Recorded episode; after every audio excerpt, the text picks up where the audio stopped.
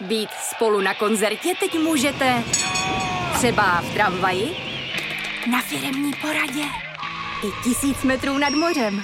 Jsme tu, abyste mohli být mezi svými kdekoliv. Tak zůstaňte ve spojení díky datům na naší nejrychlejší mobilní síti v Česku. T-Mobile.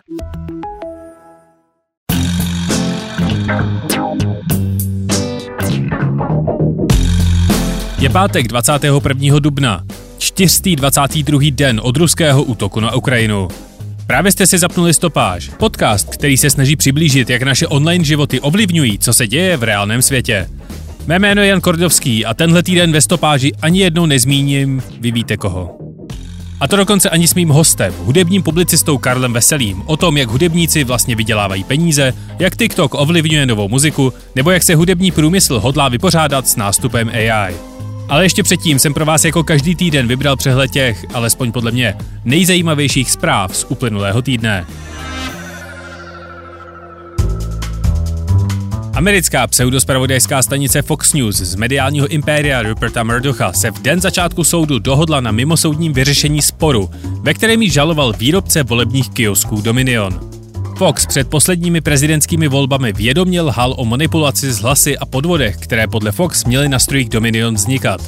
Fox firmě Dominion zaplatil 787 milionů amerických dolarů. Omluva součástí požadavků nebyla.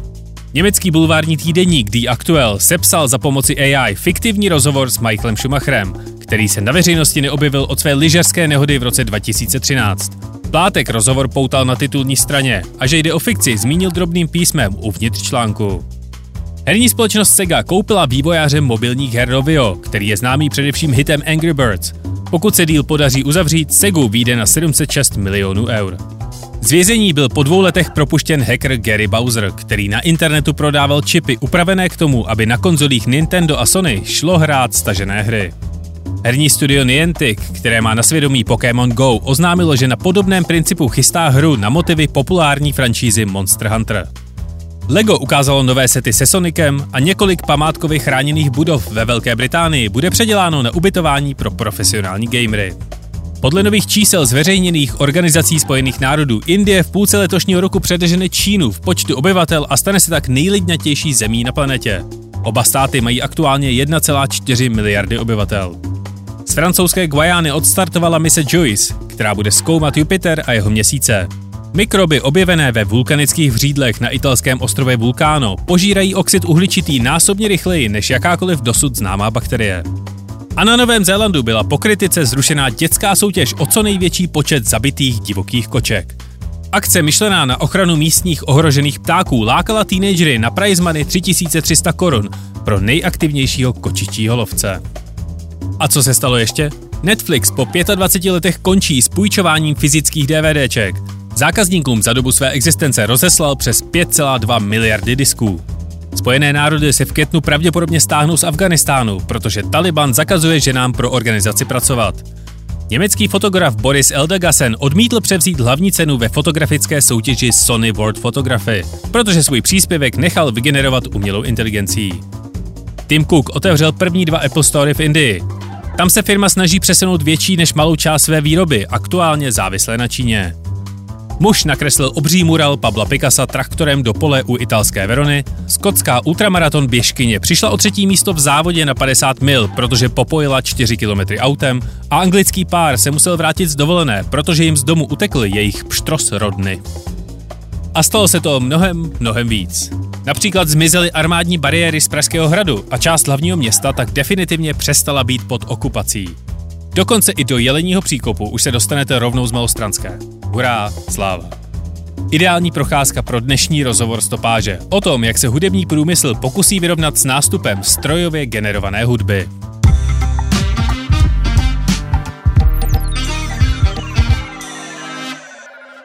Dnešní téma stopáže jsem chtěl zpracovat už nějakou dobu a tenhle týden se konečně objevila zpráva, která vzniku tohoto rozhovoru dala aktuálnost. Přes víkend se na streamovacích službách a na TikToku objevil nový track, ve kterém spolu zpívá Drake a Weekend. Aktuálně jedni z nejpopulárnějších hudebních tvůrců na světě. Začátkem týdne se ale ukázalo, že jde o píseň vygenerovanou umělou inteligencí a z internetu začala postupně mizet. Aktuální stav hudebního průmyslu dnes budu provírat s hudebním publicistou Karlem Veselým. Karle, dobrý den. Dobrý den, díky za pozvání. Já děkuji, že jste si takhle narychlo udělal čas. Um, než se pustíme do té umělé inteligence, jakým způsobem se dnes muzikant může stát populárním? Stačí prostě dělat dobrou a originální hudbu? Tak asi v kostce ano. A zároveň, zároveň dnešní pop je specifický, nebo třeba když se srovnáme s tím před 20-30 lety, že vlastně muzikanti prodávají svoji identitu nebo autenticitu, to zdání té autenticity. Je to takový zvláštní stav, kdy vlastně to změnili sociální sítě, muzikanti, aby byli populární, tak potřebují vzbudit dojem, že jsou naši kamarádi, že s námi sdílí naše radosti a traumata, ty teda hlavně. A když se to podaří, tak, tak za nimi jdou lidi, když mají tu identitu zajímavou a, a uvěřitelnou a jsou schopni jako vlastně se navázat ty problémy těch svých posluchačů, tak, tak to funguje. Když byli muzikanti, uh, hvězdy, byli jako nějaký jako entity otržený od uh, jako géniové, uh, otržení obyčejných lidí. Dneska pak muzikanti mají právě pocit, že mají být co nejvíc obyčejní. Jakkoliv je to taky vlastně do určitý míry jako hra taková, nebo hra tu autenticitu. No a tu autenticitu, autenticitu manifestují skrz svoji hudbu, anebo už musí být influenceři se stroji na Instagramové účty a práci s komunitou?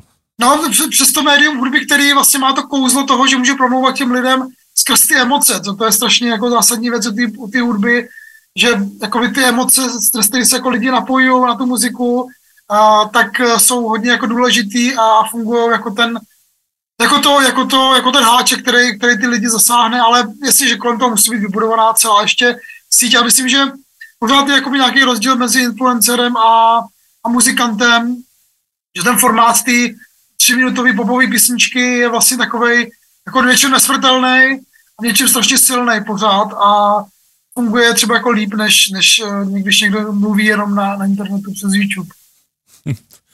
A když byste se mě zeptal jako lajka, jak hudebník vydělává peníze, tak já bych aktuálně asi řekl, že bude mít nějaký drobný podíl z přehrání, z koncertů a z merče. Jak je to ve skutečnosti?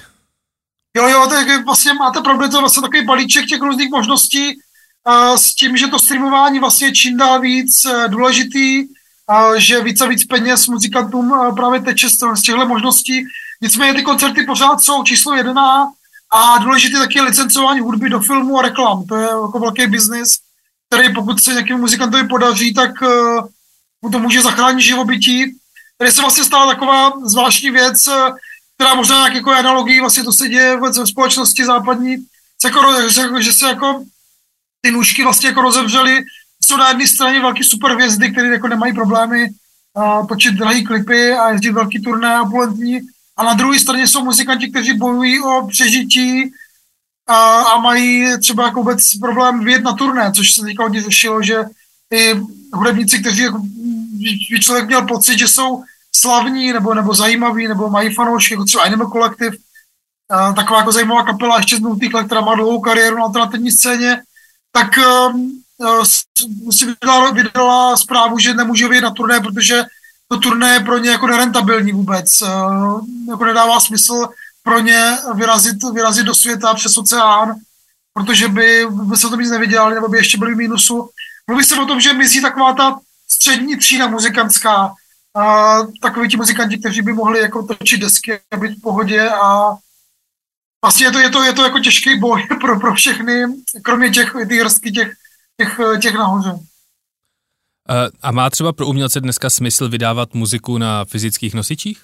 Pořád platí takový to, že lidi chtějí držet tu hudbu v ruce, jako to zní absurdně, ale chtějí mít nějaký artefakt, chtějí mít uh, nějaký, nějaký fyzický nosič, který si pak třeba vystaví v poličce, tady to fanouškovství vlastně jako nezmizelo. Teď je to hodně vidět, když Taylor Swift vydává vinily, což je takový ten největší případ toho, kdy ona prostě je schopná prodat 100 tisíc vinylů a, a pak se ještě jako zjistí, že třeba jako dvě třetiny těch jejich fanoušků vlastně ani doma nemá žádný vinyl, jenom prostě chtějí mít doma tu Taylor Swift v nějaký podobě, chtějí mít ten artefakt. Takže tohle je, ale zase to vlastně jako platí hodně pro a pro nějaký scény, na nějakých hudebních scénách se furt jako přežívá tady ten formát toho vinilu jako, jako, nějaký, jako nějaký památky, nebo kazety se vlastně vrátily poslední roky by jsou levnější a levněji vyrobitelný, takže třeba nějakým jako undergroundu nebo hodně alternativní scéně, jedou teď kazety. Lidi prostě se rádi odnesou z koncertu nějakou maličkost, ale není to i vzhledem jakoby, nákladům na tyhle, na tyhle artefakty, to není zase tak jakoby, lukrativní věc pro ty muzikanty, je to takový spíš přivídělek, no, že, že muzikanti musí, já se bavím se spoustu českých hudebníků, že si vlastně musí počítat, si investují nějaký ty velké peníze za začátku, nechají si vylisovat těch 300 kusů, který má ta firma jako minimum a pak je budou prodávat po, po turné a může se jim třeba stát, že jim zůstane z doma a co pak s tím, no. 300 kusů to teda opravdu, opravdu není mnoho. A když jste zmiňoval vinily pro Taylor Swift, eh, dá se nějakým způsobem říct, jestli si kupují vinily i úplně ta nejmladší generace, která chodí teď na, na koncerty? Zajímá, zajímá fyzický nosič na vinilu i člověka, kterému je třeba 20 a vlastně nikdy nezažil, fi, aby si mohl zapamatovat, že existuje něco jako fyzický nosič? Já si nevybavuju žádnou, žádnou studii, Taylor Swift vlastně už není úplně pro ty nejmladší fanoušky, ono vlastně jako ty fanoušci s ní rozpívají, rostou, a, takže si nejsem úplně jistý, a, ono ten, on ten vinyl má to své kouzlo, no, je to prostě takové, jako je to pěkná věc a myslím, že se to jako drží ta tradice ty pěkné věci, ne nutně toho přehrávače, ale toho, ty, ty věci, které si pak člověk může chlubit kamarádům, že jí má doma. Takže myslím, že jo, že to pořád je mezi těma mladýma. No a když jsme u Taylor Swift, můžete, a u koncertů, můžete posluchačům nějak rychle vysvětlit třeba kon, tu kontroverzi, která se děla z koncerty Taylor Swift uh, a s jejím turné, která proběhla letos, uh, letos na začátku roku? Já se teď nejsem úplně jistý, jestli si to pamatuju správně, ale tam byl nějaký problém, že firma Ticketmaster, která prodávala uh, ty listky, měla díky obrovskému zájmu fanoušku Taylor Swift problémy vůbec jako by to nějak smysluplně rozdat nebo prodat, ne rozdat, prodat, že, že jim spadly servery a tak. A uh, tady byl zajímavý vidět, že ta sice byla zjevně jako nespokojená, měla s tím jako problém, že její fanoušci, tady se podle mě jako pěkně odráží to, že ona chce být tou kamarádkou těch svých fanoušků a jakoby cítí tu jejich bolest, když nemůžou na ten její koncert jít, ale zároveň vlastně bylo jasný, že nemůže nic dělat, protože ten Ticketmaster je jako vlastně monopol, to je obrovitánská firma, která ovládá tady ten průmysl už od eh, jako 90. let, já si pamatuju, v 90. letech bojovali Pearl Jam, slavná kapela Grangeová ze Seattle s Ticketmasterem, udělali si kolem toho jako veliký příběh, že, že bojují s Molochem, gigantem a, a do, do nějaké míry tehdy jsme měli pocit, že jako vyhráli, že byli zástupci té naší jako malé hudební scény, který, který bojuje proti tomu, proti tomu nadnárodnímu průmyslu ale vlastně s odstupem vidíme, že Ticketmaster je jako silnější než kdykoliv jindy a taky tady platí vlastně tady ten, ten ta, ta, ta, ta, to, to pravidlo toho průmyslu, když někdo jako obrovský, tak sežere všechny ty malé firmy a Ticketmasterovi se to stalo a je to prostě jako gigant a monopol. A mám pocit, že se dostali do křížku s americkou antimonopolní organizací, ale ani ty, ti s, ním, s tím nic neudělali, takže Taylor Swift si může, může jako být smutná, stěžovat si, že Ticketmaster to pokazil, ale zároveň prostě jako nemůže nic dělat, protože ty hvězdy jako nemají jinou možnost, než a to už jako prostě taky je, no. Když se vrátíme k digitálnímu světu, o kterém stopáž primárně je, tak eh, obrovským fenoménem v současné hudbě tak je TikTok. Jakým způsobem zasáhl do hudebního průmyslu a hudby vůbec? No, TikTok je, je, je zajímavá věc, která do určitý míry vlastně jako nakopla uh, hudební průmysl nebo, nebo vůbec jako a znovu je to pokračování tady ty, tými teze, že ty muzikanti se uh, dneska jako prosazionu prodávají skrz to prodávání svého já, takže to má tu jednu, jednu rovinu toho, že ti muzikanti jsou tam na tom TikToku a že dávají těm fanouškům nahlídnout do toho svého soukromí a vlastně jako non 24 hodin uh, denně vysílají sami sebe do světa. Plus to má ještě ten jeden, jeden rozměr, který je vlastně ještě něco důležitější.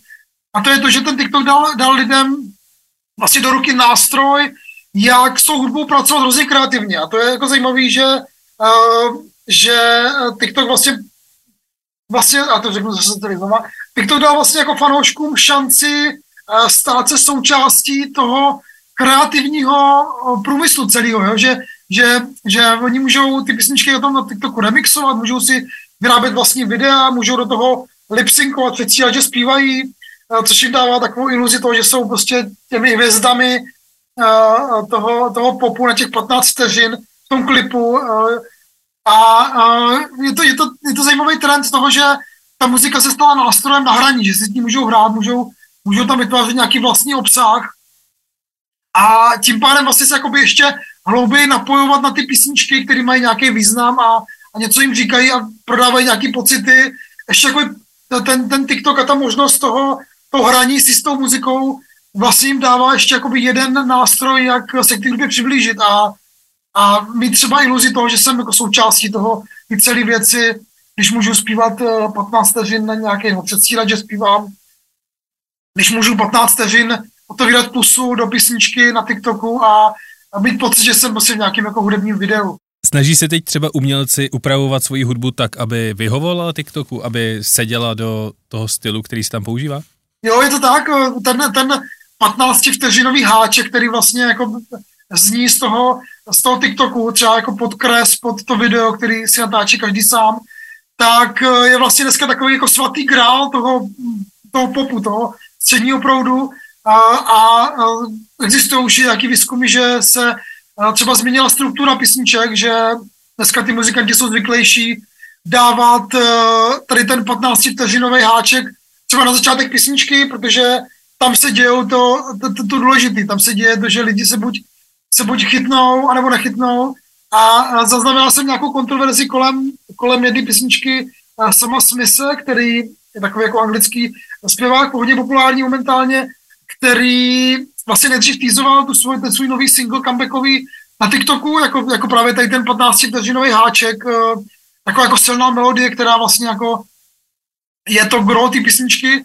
A když potom ta písnička vyšla, nebo ten single potom vyšel jako celý, tak si lidi stěžovali, že vlastně jako to už není nic jiného, je to jenom tady těch 15 vteřin. Měli pocit, že jsou jako v něčem, něčem byli okradeni, se těšili na celou písničku, ale jako takhle dneska tempo funguje, no, jako se to smrsklo na těch na těch 15 vteřin a, a ten, ten, jakoby ten refrén, maximálně nějaký ještě nějaký jako motiv a, a konec. No. Je to, je to prostě to, to, to nejzákladnější. A co to může právě TikTok, který funguje tady na tomhle jako ADHD modelu, že prostě pár vteřin a jdeme dál.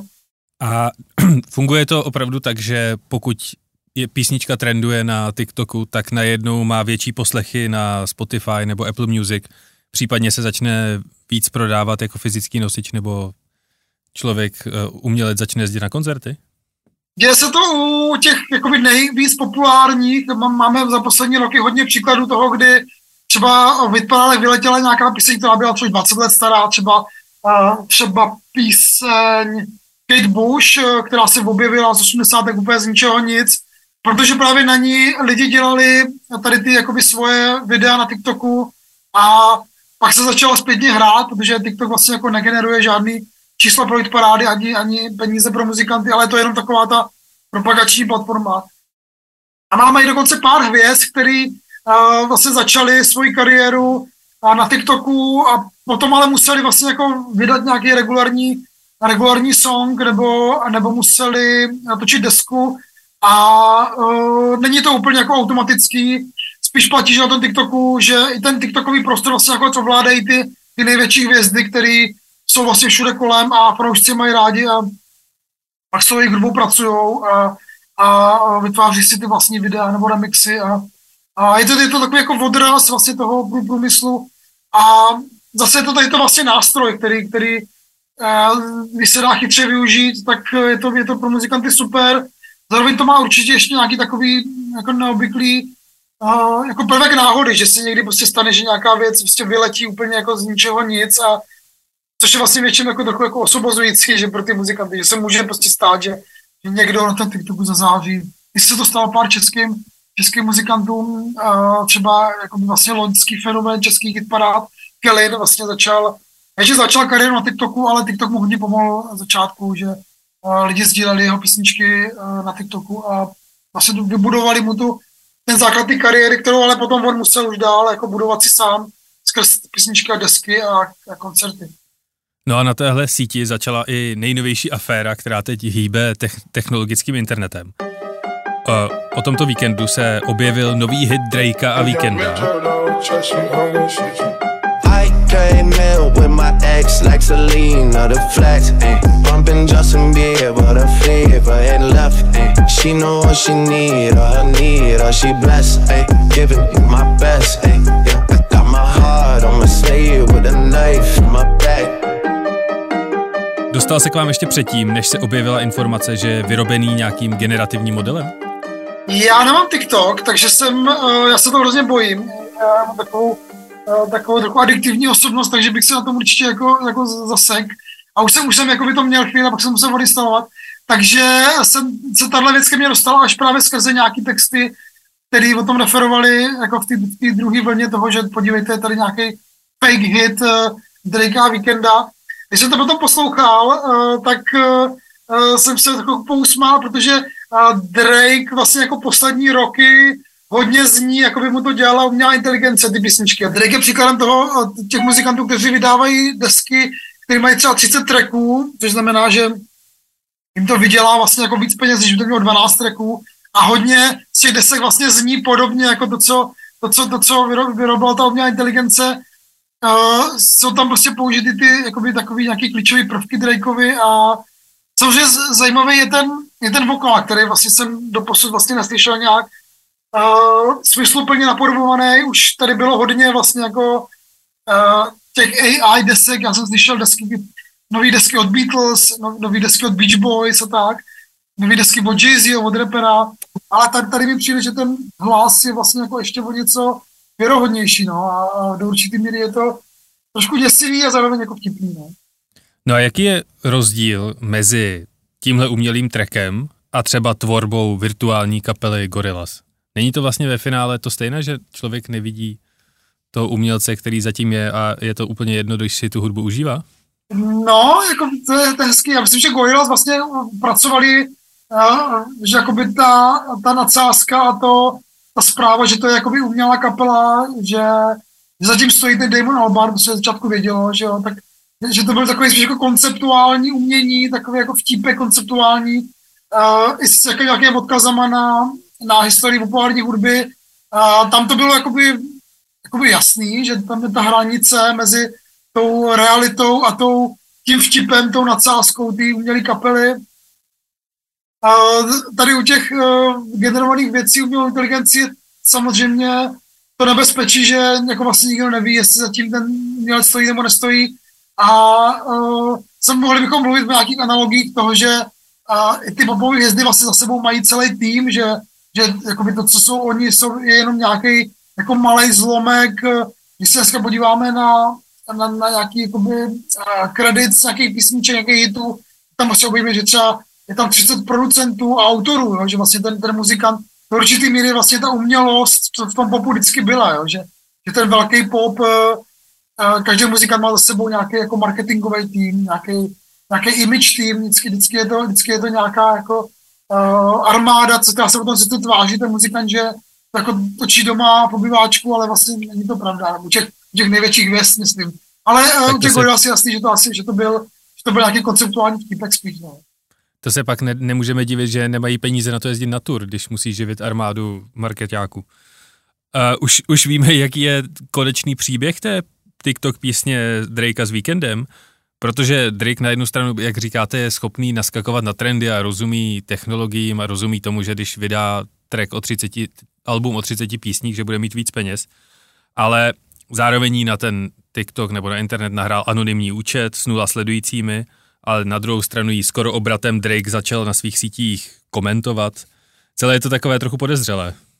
Je to, je to, je to taková, takový moment toho, kdy se jako tvoří ta historie a nějaký jako precedenci se do budoucna tvoří, co vlastně, jak budeme ty věci postupovat. A vlastně celý ten, celá ta historie populární hudby je jednou takovou velkou jakoby tajemství nebo hřičkou nebo, nebo kaleidos, to nazvat, takovou velkou jako enigmou autorství. Vlastně my, my pořád jako přemýšlíme, kdo je vlastně autor v té populární hudbě, protože v popu se ty melodie prostě různě jakoby vypůjčují a opravují a vylepšují. Plus existuje samply, že, který se taky řeší spousty let, jako do jaký míry ten sample, když někdo někoho jako si vypůjčí nějaký útržek z písně, je nebo není uh, součástí autorského práva. Hodně se řeší třeba, i když uh, si muzikanti od sebe vypůjčují uh, nějaký melodie z písní. Uh, Pharrell Williams uh, před pár lety měl soudní proces, ve kterém ho našli, že ukradl kousek písně Curtise Mayfielda. A tyhle věci se vlastně dějou jakoby pořád, pořád kontinuálně. Vždycky s každou technologií vlastně přichází nějaký další jako problém v vozovkách. No vlastně to je to problém autorský, že jo.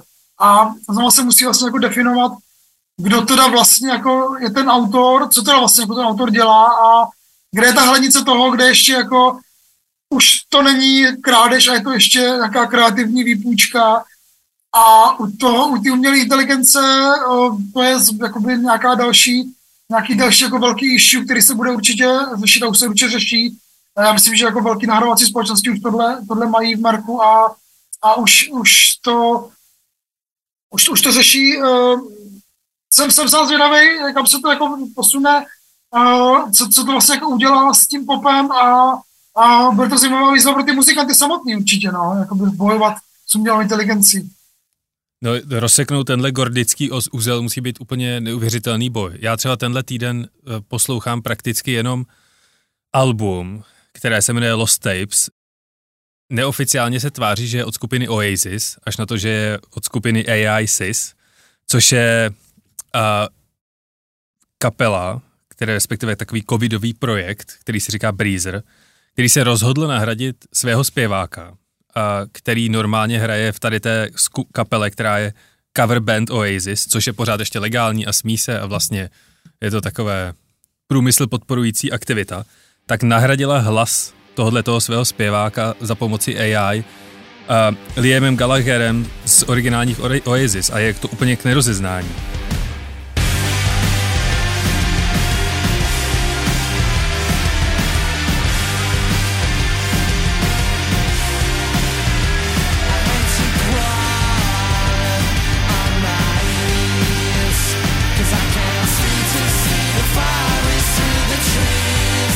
Mě u toho napadlo, jestli jako podobně jako mechanizace nahradila, uh, nahradila nej, ty nejjednodušší manuální práce, tak jestli třeba AI nemůže nahradit uh, naopak ty nejkreativnější? Mm, já si, já si pořád myslím, že uh, jako lidská kreativita je posvátná, nebo je to něco, nějaká věc, kterou uh, jako my poznáme, nebo, nebo aspoň doufám teda, že, že uh, pořád jako poznáme výtvor člověka a stroje, nebo já nevím, no, možná už jsme narazili na nějakou hranici, kde, kde to nebudeme schopni udělat. A já možná jako vidím vlastně umělou inteligenci jako nějaký nástroj, jako nějakou pomůcku, kterou dneska už, už jako reálně se používá, si otevřete nějaký různý software na dělání hudby, tak uh, tam už jsou nějaké možnosti, prostě, že může člověk dát část těch svých jako úkolů, které jsou někdy třeba hodně jako monotónní nebo nudný nebo zbytečně jako otravný, taky může dát umělé inteligenci ono to udělá za něj a pomůže mu vlastně tím. A, a tak, takhle už určitě se dneska využívá umělá inteligence a v tvorbě hudby, že ten muzikant dá část svých úkolů, ty umělé inteligence on to za něj vyřeší. A sám mám zkušenosti s nějakým DJským programem, který vlastně pomáhá třeba jakoby najít nějaký místo v té písni, kde se dá přeskočit do nějaký jiný písně v tom DJském setu a, a tak, že, a, že bych pořád jako viděl tu inteligenci jako ten nástroj, jako tu pomůcku, která a, a hudebníků, kteří mají nějaké originální nápady a jsou kreativní, tak jim pomůže být ještě kreativnější. Myslím si, že a, ta lidská kreativita je pořád tak je dostižná, že zatím to ještě úplně ten stroj nebude schopný schopný dohnat. Nebo v to doufám pořád, jo, takhle aspoň. No když já když nad tím přemýšlím, tak si říkám, jestli právě kombinace algoritmického řazení na TikToku, zároveň novinek, jako je Spotify DJ, která, které vám předhazuje písně, které by se vám měly líbit a vlastně vás úplně odpoutá od toho, že byste si měl něco vybrat sám a na základě toho profilu, který o vás ta aplikace má. A teď nově generativní uh, muziky, která se generuje sama ze sebe a z remixů těch původ, té původní tvorby, jestli jako jsme teď nedospěli do fáze, kdy je vlastně konec, uh, konec tvorby nové a originální hudby. Že teď už budou všechno jenom vortex toho, všech algoritmů a průměru všeho do průměru. No bylo by to samozřejmě smutný. Já pořád doufám, že člověk, eh, vlastně děláme to pro lidi, že na konci jsou taky lidi, na konci nejsou stroje, takže, takže že člověk jako pozná člověka, pořád jako doufám. Já jsem mě četl někde teďka na Twitteru, někdy během právě posledního týdne, takovou, ale se mluvám, že nevím, kdo to, kdo to napsal, kdo to nějaký muzikant, že vlastně ta umělá inteligence a tady ty vlastně ty generativní uh, novinky takzvaně, že to vlastně uh, muzikantům dává úkol být ještě něco kreativnější, dává jim to úkol vlastně jako být nepředvídatelnější, a což vlastně v důsledku by mohlo znamenat nějakou novou jakoby, revoluci v hudbě, nebo uh, zase, že by to třeba mohlo změnit vlastně každá technologie, která se zatím jako objevila, ať už to byly elektrické kytary, ať už to byly, ať už to byly internet, vždycky jako posunula tu hudbu někam dál a k lepšímu, protože vždycky nějaký progres je jako dobrý, takže třeba na ta umělá inteligence ty muzikanty přinutí být ještě lepší a být lištější možná, jo? že jako by nemít ty, ty prvky ty, to, to, tě, těch strojů, tady ty automatické práce, toho přemýšlení, co by lidi chtěli, ale že budou prostě jako víc ličtí a budou víc originální a kreativní. Takže se vrátí Valdemar Matuška a jeho country pop, popová hudba? No, ne, nevím, to nemusí být podle mě nutně, nutně jakoby spojený s nějakou, uh, nějakým návratem nějaký jako dřevní hudby, naopak, že se jako vymyslí nějaké nové formy hudební, který, který prostě ještě nejsou a nebo budou prostě říkat ty muzikanti příběhy, které ještě neříkali a uh, tím vlastně jakoby si opodstatní tu svou existenci, protože tak pořád je to umění a umění musí být vždycky nový, musí být něčím jako zrušující a musí odrážet tu realitu, o který žijeme a myslím, že ten, nevím, pořád si myslím, že ten stroj to jako nedokáže, tak jako člověk. Já ve vás úplně vidím, jak, jak už vám se generuje, uh, generují nějaké myšlenkové pochody. Předpokládám, že o, o vývojích v hudbě a jaký dopad má tady generativní hudba na ní, tak budete všude možně i psát. Kde, kde všude, kromě seznam zpráv, kam pravidelně přispíváte, můžou posluchači najít váš obsah? Já píšu do, do aktuálně, nebo do Alarmu, nebo Salon práva, potom, potom dělám podcasty Repspot a Sound System. Nicméně teďka hlavně pracuji na nových knize, takže si dávám trošku pauzu od, od médií a zavírám se do své bubliny.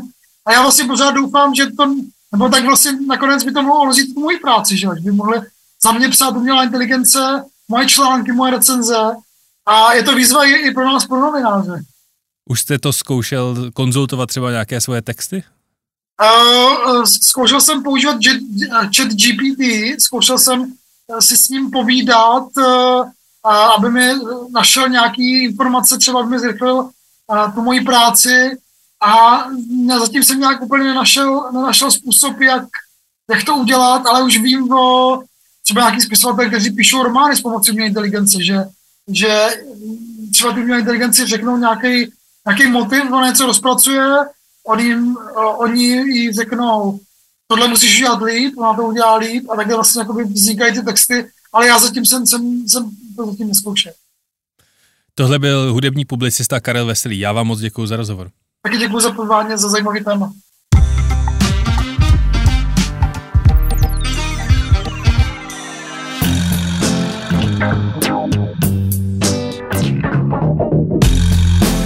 To je ode mě pro tento týden opět a zase vše. Díky moc za milé reakce na poslední epizodu s Kristýnou Roháčkou. Jsem rád, že vás tyhle epizody z terénu baví. A příští týden snad jedna další. Vaše pochvaly, výtky, stížnosti nebo ukázky vaší oblíbené AI muziky mi můžete posílat na adresu jan.kordovský.cz a nebo vy víte kam. Loučí se s vámi Jan Kordovský, díky za poslech, užijte si jarní víkend a příští pátek opět v kyberprostoru. A náhodný fakt nakonec? Během tajného vývoje prvních amerických proudových letadel byl jedním z testovacích pilotů Jack Woolems.